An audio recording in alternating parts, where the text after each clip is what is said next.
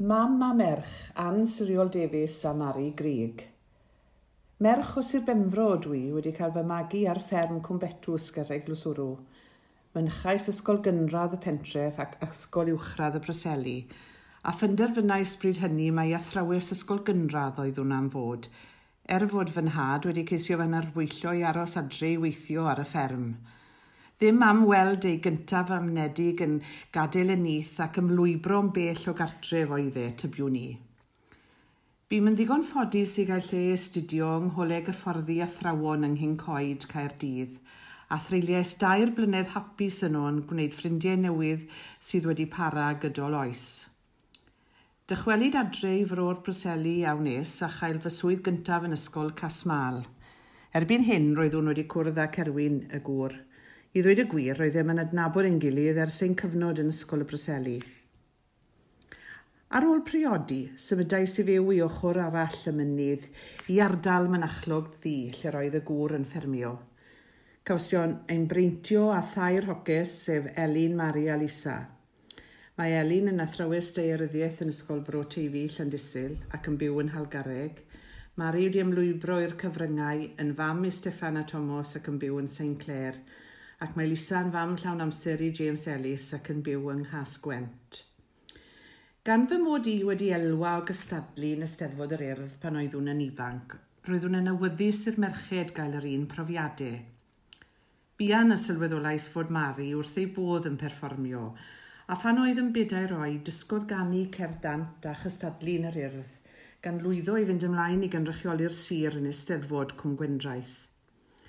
Er mawr syndod i ni, llwyddodd i gyrraedd y llwyfan ac ennill yr ail wobr, a dyna ddechrau ar gyfnod Mari yn cystadlu yn ddi-dor hyd ddiwedd ei chyfnod yn y coleg.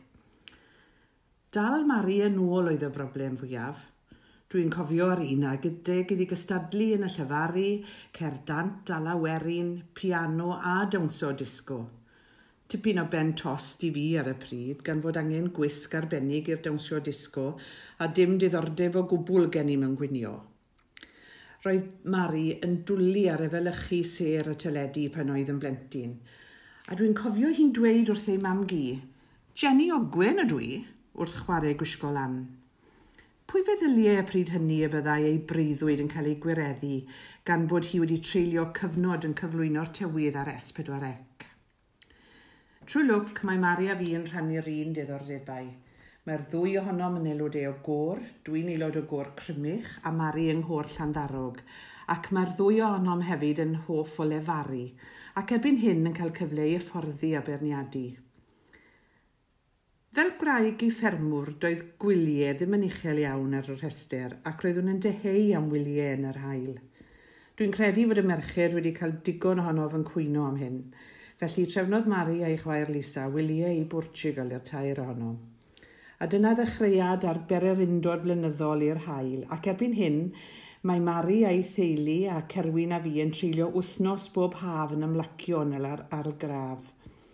Ond dwi yn ofni yng ngeiriau'r diweddar WR Evans, taw yn mynachlog ddi gyffredin blwyf y bydd gwyliau 2020. Dwi'n lwcus iawn fod Mari a'r teulu yn byw yn agos atom ac mae hyn yn galluogi mam gi i gael cwmni ei hwirion, sef Steffan a Thomas yn wythnosol. Pleser pur yw bod yn ei cwmni a gwrando ar ei straeon ar amrywiol. Bellach dwi'n gorfod ymgyfarwyddio a diwylliant newydd, sef pel droed. Profiad newydd sbon i fi. Mae'n rhyfedd iawn fel mae hanes yn ailadrodd i hunan – Mae yna sawl elfen o fywyd mam a fi'n debyg iawn. Y ddwy ohonom wedi mwynhau y profiadau o berfformio'n ifanc, cael teithio Cymru yn cystadlu mewn eisteddfodau lleol a chenedlaethol. Bu'r ddwy ohonom yn lwcus iawn i gael chwarae prif rannau mewn sioe ysgol hefyd, mam yn y Mikado a finnau yn sioi Magdalen. Roedd ysgol y Preseli yn le da i ddarganfod gŵr. Mam a dad yn cwrdd yno yn y 70au, a dyna le gwrddes i a Gareth nôl ar ddiwedd y 90au. Fe nath y brif ddinas fy nenu i hefyd ar ôl gorffen yr ysgol uwchradd. Astudio Cymraeg ym Mhrifysgol Caerdydd ac yn wahanol i mam, fe arhoses i yno am ddeuddeg mlynedd arall. Er y bwriad oedd teithio'r byd ar ôl gorffen coleg. Roedden nhw wedi prynu tocyn awyren i Australia er mwyn hedfan yno yn syth ar ôl yn y dolyg. Ond, yn y cyfamser, Roedd gen i ryw dri neu bedwar mis segur. Felly fe nes i geisio am swydd cyflwynydd plant gyda S4C, heb feddwl rhyw ormod amdano. Ond drwy lwc, fe ges i gynnig y swydd a dechrau gweithio ym mis Medi. Felly, fi'n rhaid i daith chwe mis gael ei dorri lawr yn wyliau tair wythnos. Mae niddordeb i yn y pethau'n bwysig iawn i fi, ac mae'r diolch i'm rhieni, Dwi wedi bod yn lwcus iawn o gael cyflwyno rhai o brif ddigwyddiadau Cymru yn y gorffennol, yr eisteddfodau a'r sioeau.